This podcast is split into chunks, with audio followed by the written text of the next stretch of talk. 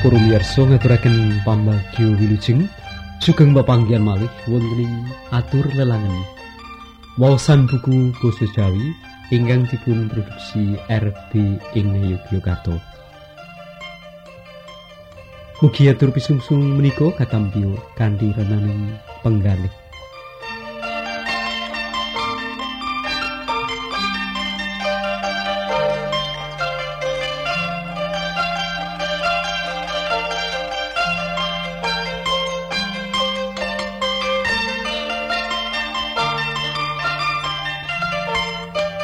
Menggah samangke badhe ngaturaken sambeting cariyos. Kesrimpet jaring sutro. Seratanipun Ardini Pangastuti. Kapetik saking Kelawati Mekar Sari. Ngaturaken seri ingkang angka 3.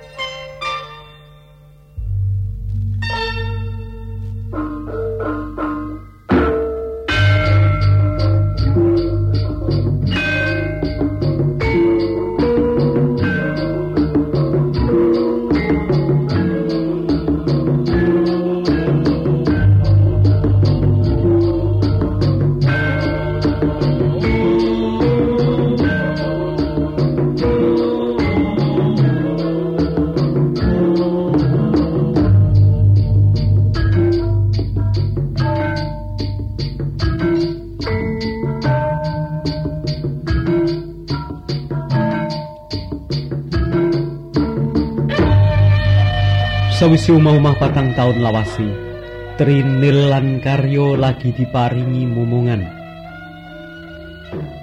Bayu wadon kang lemu sehat demenakake pancen gawe mongkoke Trinil. Dewi rumangsa mulya duwe anak Sulistya ing warna. Mbah Rodiah dukun bayi sing nulungi Trinil nalika nglairake. Saben dina tansah nunggoni lan ngiwangi bot krepotane. Apa maneh Trinil wis dianggep kaya putune dhewe. Sore iki Trinil rumangsa ora jenjem pikire. Jalaran karyo durung mulih. Mau esuk dheweke elik-elik supaya sing lanang ana ngomah wae. Nanging karyo tetep ngotot budal dudulan. Supaya bisa oleh duit kanggo anake.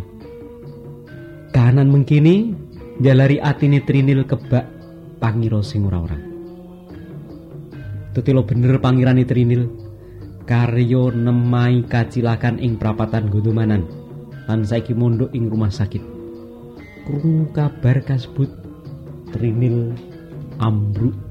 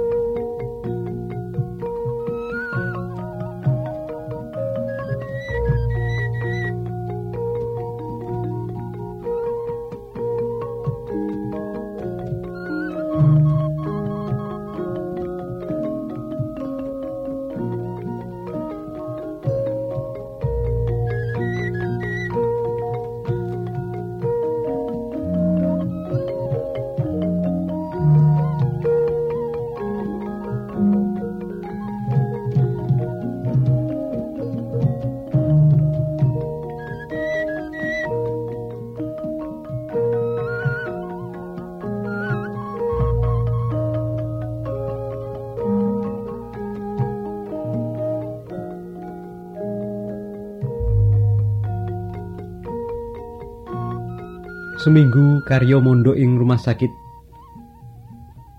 Ing sajroning wektu semono kuwi, Trinil babar pisan ora bisa niliki.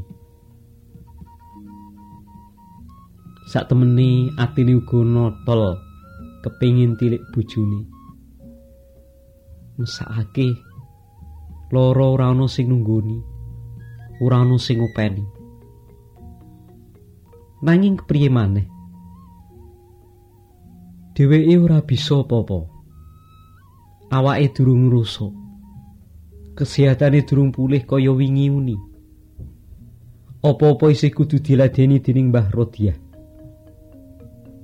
Ah, tujune kok ana wong sing migatekake dheweke tanpa pamrih kaya Mbah Rodiah kuwi saupama ora banjur kaya apa dadine Trinil dadi trenyuh. Yen mikirake kabeh kuwi. Pangeran Kang Murbeng dumadi pancen moho asih moho murah lan moho wicaksana. Ing kahanan tanpa daya kaya saiki ditinggal sing lanang loro ing rumah sakit. Lan kudu ngopeni bayi. Nyatane yo tetep diparingi rejeki Tunggu tanggani gilir gumanti ngeteri panganan. Kamangka Trinil ngerti dhewe. Tunggu tanggani kuwi racake dudu wong sing kecukupan kanggo mangan dhewe wae kadang-kadang yo mbuh-mbuhan. Nanging senajan mengkono isih bisa weweh marang liyan.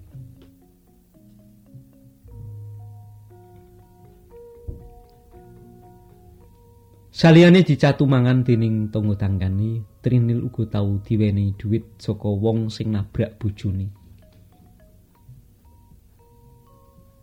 Jumlahe ora sithik, eketan ewu sak bendel. Diwadai amplop soklat.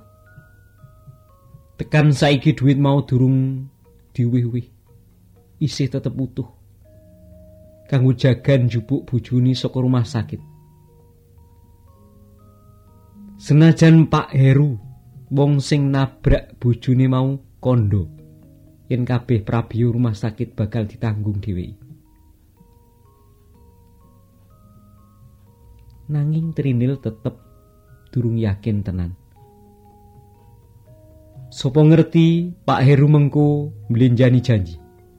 Wong omahe Semarang kono. Rak ora mungkin kerep inyak-inyik menyang Yojo.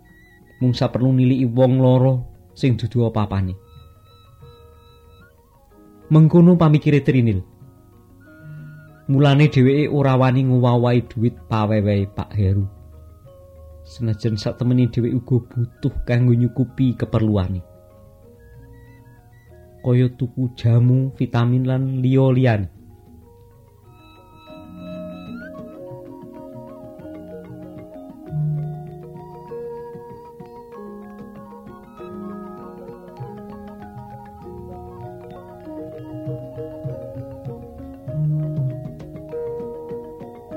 Dumadakan saka ngarepan keprung swara Karya teko, eh karya bali eh. Karya mulih. Oh, karya wis paras. Suara-suara iku keprung cetha saka kamare Trindil. Dewi langsung cengkelak tangi. Melaku rerikatan tumuju lawang. Wektu kuwi Trindil pancen mung ijeni ngomah. Mbah Rondiah ana tugas nulungi wong bayen ing gang cedak kretek. temenan sing teko pancen bojone. Ora ijen nanging diterake dening Pak Heru. Saking senenge Trinil nganti mung jenger kami tenggengen ing ngarep lawang. Pri kanane anakmu Nil pitakoni karyo nalika wis cedhak karo bojone. Mung rong janggah ing ngarepe Kang Trinil ora wangsulan nanging malah ngruket sing lanang. Dewi nangis nglulu kaya bocah cilik. Wes ora perlu nangis, wong bojomu kuwi wis waras kok malah mau tangisi. Lain nangis kuwi lak mergo saking senenge to Pak Dikromo. Suwe ra ketemu, mestine yo kangen barang to. Aloki tanggane liyane. Wong-wong padha mesem krungu omongan kuwi. Klebu Pak Heru sing ngadeg persis ing burine karya. Trinil langsung nguculi pangrukete. Ngerti yen disemoni. Senajan isih karo mingsek-mingsek. Dewi nganti bojone mlebu omah. Lan uga ngacarani Pak Heru supaya mlebu. Tunggu-tunggu liyane ora melu mlebu nanging tetep nggrombol ing ngarep omah cilik kuwi. Si mbok jenengi Saraswati. Pitakoni karyo karo ngliling anake sing lagi turu nglintek kuwi. Dheweke mung bisa mandengi anake wadon iku. Mergo tangane isih digip. Dadi ora bisa mbopong.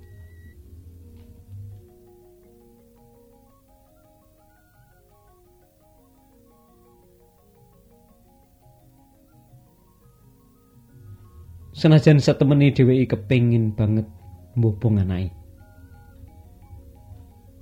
Trinil mantuk.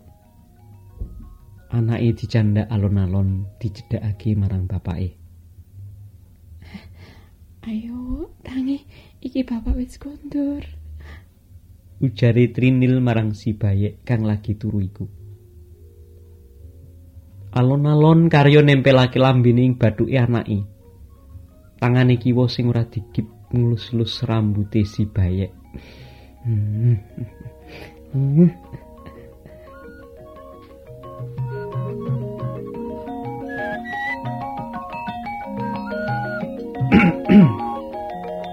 Dumadan keprungu dem-dem saka ruang tamu sing wong keletan slambu iku.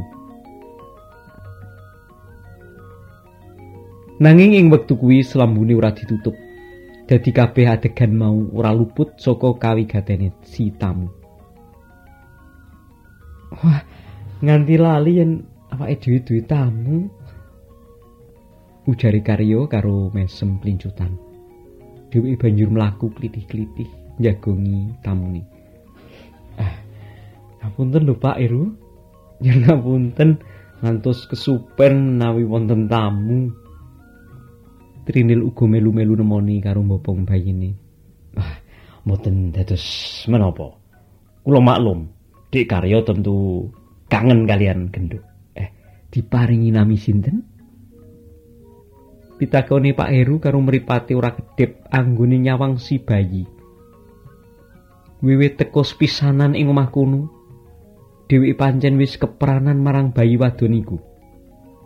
Kulite resik, rupane apik lan katon sehat. Saraswati. Trinil sing wangsulan. Kaya-kaya ngerti yen dadi punjering kawigaten. Bayiku banjur tangi. Maune ora apa-apa, mung plorak-plorok. Senajan embuh wis bisa nyawang apa durung. Nanging suwi-suwi banjur nangis kekejer.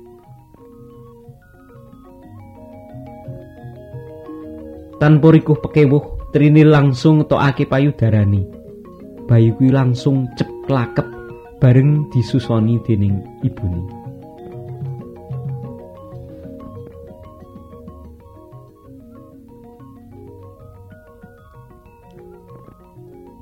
Pak Heru langsung ngalihake mripate saka si bayi. Katon riku banget kae. Maklum, Dewi pancen priyayi. Yo saora-orane ngerti etika. Meruhi sesawangan kang kaya mengkono iku rasane yo grenjel ing ati. Ora kepenak. Senajan kanggone Trinil lan karyo bab kaya mengkono kuwi lumrah. Maklum, lingkungane Trini lan Karyo pancen beda karo lingkungane Pak Heru. Sajai Karyo tanggap sing wadon dijawil lan dikedepi. Nanging Trinil ora mudeng. Ono apa kah? Karyo ora wangsulan. Mung aweh isyarat supaya Trinil sumingkir. Ora ing kono kuwi anggone nyusoni anake. Nun sewu Pak Heru. Trinil banjur mlebu. Slambu sing dadi let antarane peturoni karo ruang tamu kuwi ditutup. Dheweke banjur lungguh ing kursi kang sumadyo ing kono. Nerusake oleh nyusoni anake.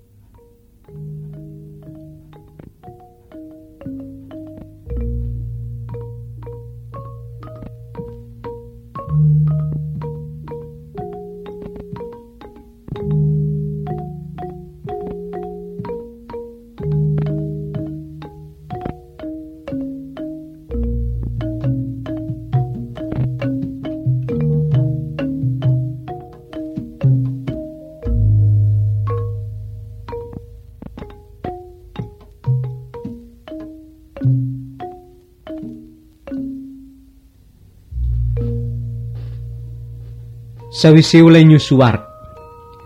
Saraswati bali turu maneh. Trinil banjur menyang pawon saperlu gawe unjukan kanggo tamune. Wong banyu panas ya wis ana. Mung kari ngiling. Mau sadurunge lunga karo Mbah Rodiah. Termos wis dikebayi dhisik. Wah, mboten usah repot-repot jeng Trinil. Kula sampun aju wangsul. Mangke sanes wekdal kula tak mriki malih kali simah kula. Aloke Pak Heru nalika keprungu Trinil klotakan ing pawon. Sampun kanjeng ngecam ngaten kok, Pak. Ah saestu mboten kok mboten ateges ah, kula menika nulak. Mboten purun ngombe ning niki wau kula lagi kesesok. Bijing sanes wekdal kula tak mampir mriki malih. Pak Heru ngadeg siap-siap arep bali.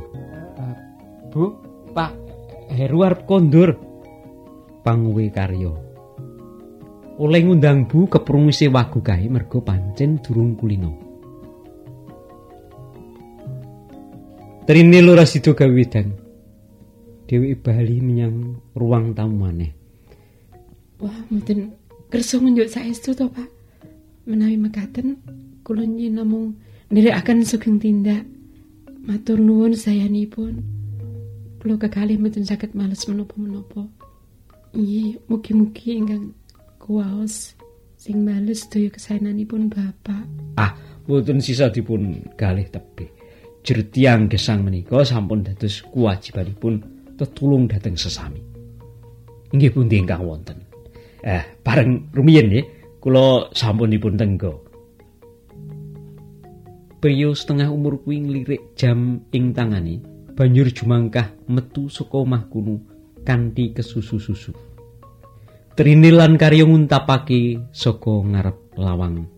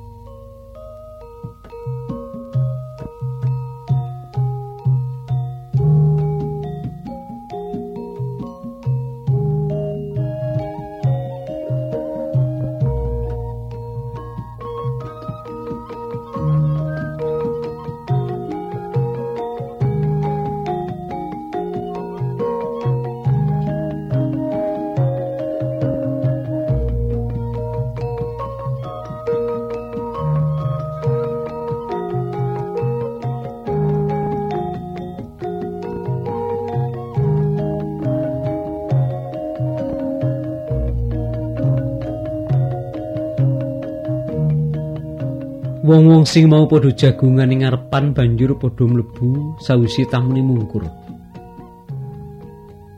Ing jero raswi, mung sak perlu ngertakake kahanane karya. Sawise iku mboko siji padha bubar mergo wektune wis ndungkap suruh. Saiki mung kari wong loro ing jero omah cilik kuwi. Eh, telu ding tambah si bayi Saraswati. Karyo nyawang anake sing sajak kepenak oleh turu kuwi. Banjur ganti nyawang ibune. Dipandeng nganti suwi. Trinil dadi kecipuan di sawang sing lanang kaya mengkono iku. Dewi ndungkluk etok-etok nglempiti popoke anake. Kamangka popok-popok kuwi karo Mbah Rodiah wis dilempiti. Wah, jebul nang rumah sakit kuwi ora kepenak. Senajan kamare apik kaya kamar hotel. Ning tetep luwih kepenak manggon ing omah. Disanding bojo, disanding anak. Karyo mbukani rembugan sawisi sauntara sepi. Ning omah aku kok tansah kepikiran nalika jenengan mondok ing kono. Rasane kepengin nunggoni ning ora bisa. Wong kananku dhewe ya kaya ngene. Ora perlu tak jlentrehake. Panjenengan ya wis ngerti dhewe. Iya iya aku ngerti. Ning aku kangen. Nah. Karyo nyedaki bojone. Diaras bathuke, mripate, pipine. Rasa macem-macem. Celatune karo njongkrok kaki sing lanang. Karyo mung mlengeh. Dewi sadar sautuwe yen bojone isih ing kahanan nifas. Nanging wong pancen kangen tenan kok. Mosok usun lambe wae kok ora oleh batine. Oh iya, mau Pak Heru rerasan pengen ngopeni anake dhewe. Dhewe iki ra duwe anak. Kamangka le omah-omah wis selawe taun. Wong biyen kawin nom isih mahasiswa wis rabi. Ngopeni? Ah, maksudnya anake dhewe arep dipek ngono apa? Aku ora oleh. Anak siji kok arep diwenehke wong. Yen jenengan ora sanggup ngragati, ya tak ragatane. Lho ora salah tompo to. Rungokno dhisik to. Pak Heru kae seneng marang anake dhewe. Yen dheweke ngopeni kuwi ora teges anake dhewe arep dipek. Nanging karepe ngene, awake dhewe tetep dadi wong tuane. Kita tetep menang gulu wentah saras. Pak Heru lan garwane mung sakdermo wong tuwa angkate. Ah, angel nggon arep njelasake. Pokoke saras bakal diupeni bareng-bareng. Banjur? Yen kita setuju marang granae Pak Heru awake dhewe arep diboyong menyang omahing Semarang. Engko aku bakal digolekake gawean sing cocok. Kepriye munggo penemu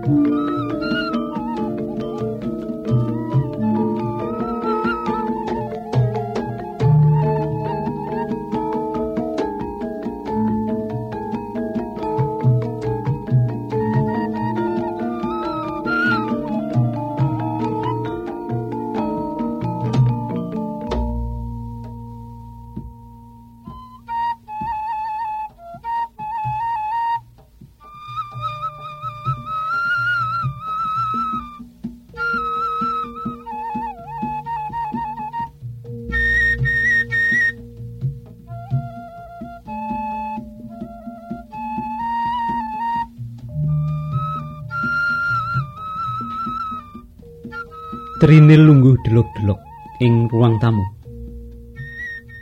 Angen-angene nglambrang tekan ngendi-endi.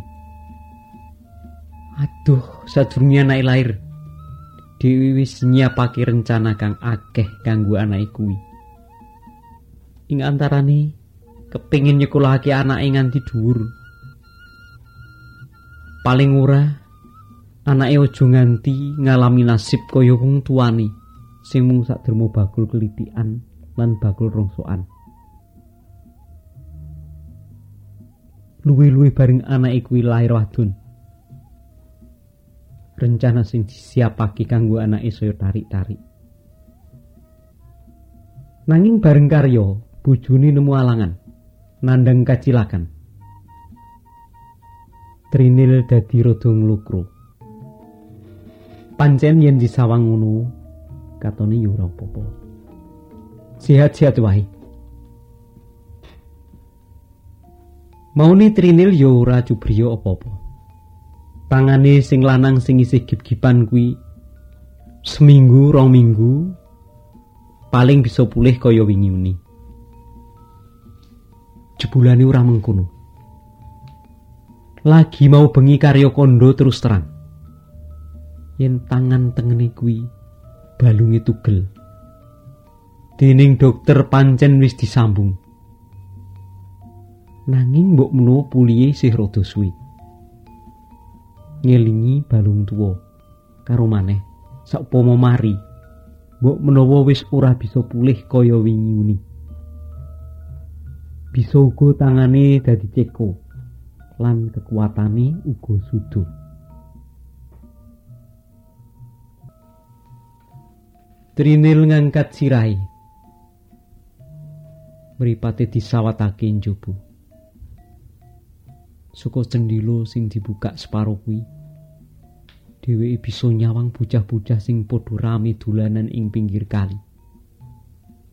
Ana sing dolanan bedil-bedilan, ana sing uyak-uyakan, ana sing dolanan banyu lan liya-liyane. Atine angluh bayangake sok yen anake wis rada gedhe saben dina uga bakal dolanan ing pinggir kali kaya bocah-bocah kuwi. Kamangka kahanane kali cudi ya kaya ngono iku. Banyune wis ora bening meneh. Senajan ora nganti ireng letek kaya beceren ing kono kene kebak sampah Wiwit saka sampah sing alami kaya gegudungan kulit gedang lan sapanunggalane nganti sampah plastik. Jinis sing keri dhewe iki sing nyebai. Ing ngendi katon mlader pating selbar. Ora. Yen bisa anakku aja manggon ing kene salawase. Hmm. Trinil merem dipet Dewi ora bisa mbayangake saras. Anake sing ayu lan duweni kulit resik kuwi dolanan sampah ing sak pinggire kali.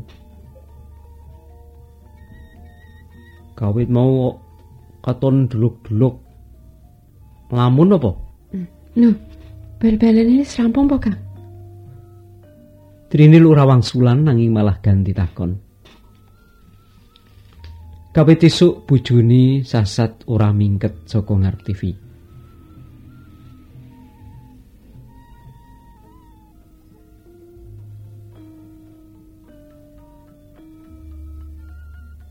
Soyo yen TV ne kuwi apik. Mung yo mung TV rolas in ireng putih pisan. Nanging si lanang sajake oleh seneng kok temenan. Maklum acarane bal-balan. Mbuh endi mungsuh endi Trinil ora ngerti. Dheweke pancen ora seneng karo jenis olahraga sing siji kuwi. Beda karo sing lanang. Yen ana acara bal-balan ora turu rong dina rong wengi wae yo betah.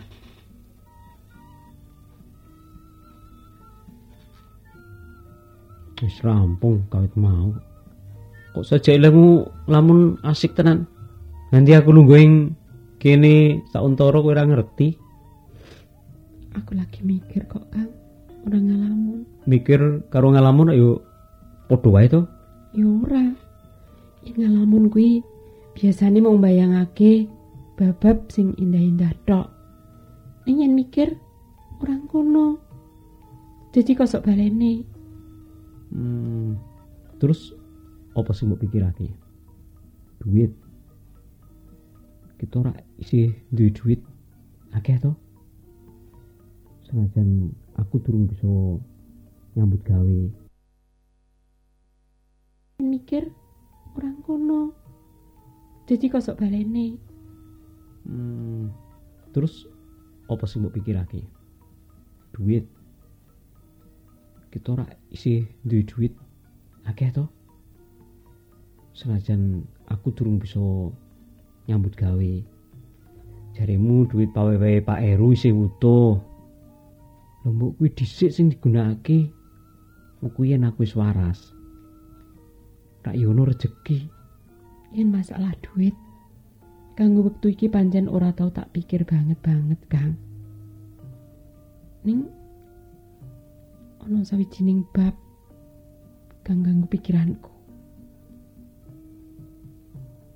Trinil sengaja gantung pocapane. Sing lanang disawang landhep.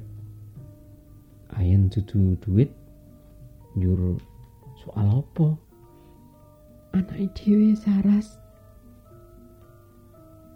Karyo leg nganti sauntara dheweke ora bisa kondo apa-apa. Patang dina iki dheweke yo mikirake masalah kuwi. Dhisik dek dhewe isih waras. Karyo ora tau duweni rasa kuatir marang masa depane anake. Dhewe yakin bisa nyekolahake Saras nganti tekan sekolah dhuwur. Kaya kang dadi cita-citane ibune. Nanging saiki bareng tangane loro Karyo dadi malih ora pati yakin karo kemampuane. Mergo mengku kekuatane bakal sudo. Dewi ora bisa angkat junjung abot maneh kaya sing wis-wis. Kamangka sak suwene iki oleh dudulan mung ing pinggir dalan. Terus kepriye mengko oleh usung-usung barang? Mosok saben dina kudu akon wong liya kudu diburuhake? Mungkari piro badine yen dipotong ongkos-ongkos kaya kuwi? Apa maneh sawisi anak-anak? Trinil jelas ora bisa dudulan kaya sing wis-wis.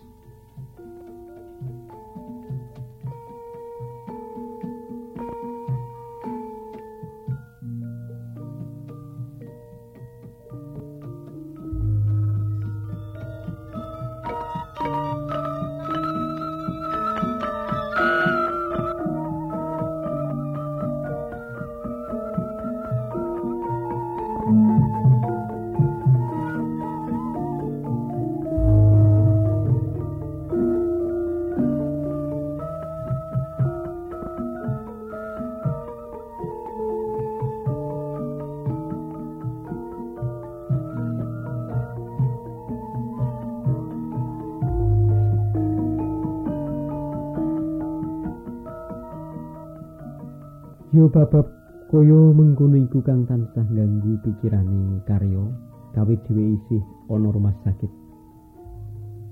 Mula nalika Pak Heru kondo menawa kepingin melu ngopeni anake.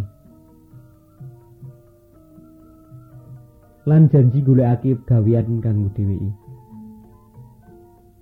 Karya wiwit mikirake apa kang dikandhakake Pak Heru kuwi. Rasane dheweke ora kabutan pindah menyang Semarang. Nanging bareng bojone ditakoni. Sajake Trinil ora dadi karepe. Trinil kepengin anak kuwi bisa diupeni dewi. Karya ya ora bisa meksa Dewi ngurmati marang keputusane sing wadon. Kang. Hmm? Sawise tak timbang-timbang saiki pikiranku dadi seje Kang. Maksudmu? Kanggo saras. Kanggo masa depannya anak dhewe. Aku setuju karo usule Pak Heru. Soalnya kemampuannya awak dhewe nates. Apa meneh sawise tangan sampeyan cacat? Yen mung sak dermo mangan wae aku ora kuatir. Mesti sih kelakon kita mangan wareg nyandang ganep. Nanging kanggo pendidikane saras awake dhewe ra ora bisa janjeni apa-apa.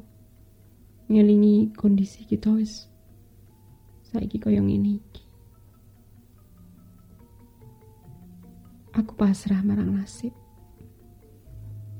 Ora apa-apa paribasane aku dadi buru masak umbah-umbah utawa asa-asa ing daleme Pak Heru wadon anak kita bisa sekolah dhuwur bisa mulya uripe karya durungan diko berawe wangsulan. Ketunggu tekane Mbah Rondia. Ah kok do gayeng dagangan dhewe ku. Wah, ndi? Kita Mbah Rondia karo melangkah metu. Duduk, Mbak. Dukun tua kuwi banjur bablas menyang kamar milik bayi. Saras pasti greget-greget tangi nalika Mbah Rodiah mlebu. Bayi kuwi newek-newek ora lesu tangisi pecah. Mbah Rodiah dadi oleh marani. Bayi mau dicandak. Nanging tetep nangis. Jebul popoke teles ngompol. Loh, ngompol toh. kene kene kene. Disalini simbah. Aloke Mbah Rodiah. Karo nyelehake bayi kuwi maneh. Popok sing teles kuwi dilorot disalini sing resik. Sauntara iku tanpa diundang krungu anake nangis. Trinil uga gage oleh melayu. Oh, mau diganti simbah toh. Aloe bar ngerti anake wis dicandak dening Mbah Rondia. Nanging wis disalini, bocah kuwi kok isih tetep nangis. Mbok menawa ngelak, kok. Nyo dimimiki.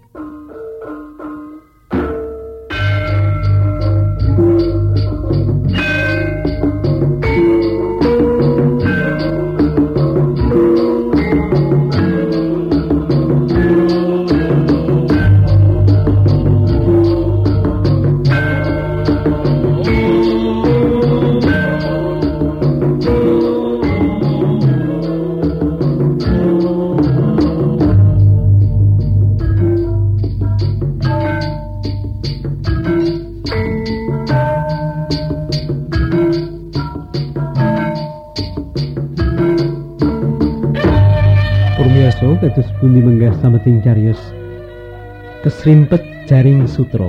Seratanipun Ardini Pangastuti ingkang kapetik saking Kelawati Mekar Sari menika. Semoga cariyos menika dipun lajengaken malih wonten ing wekdal sanesipun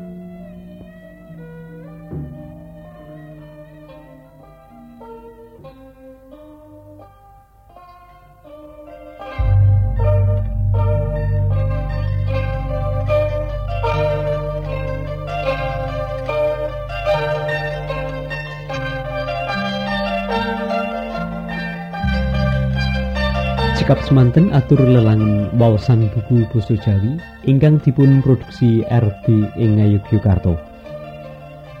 Ing wasana mugi rahayu ingkang tansah pinanggih. Nuwun.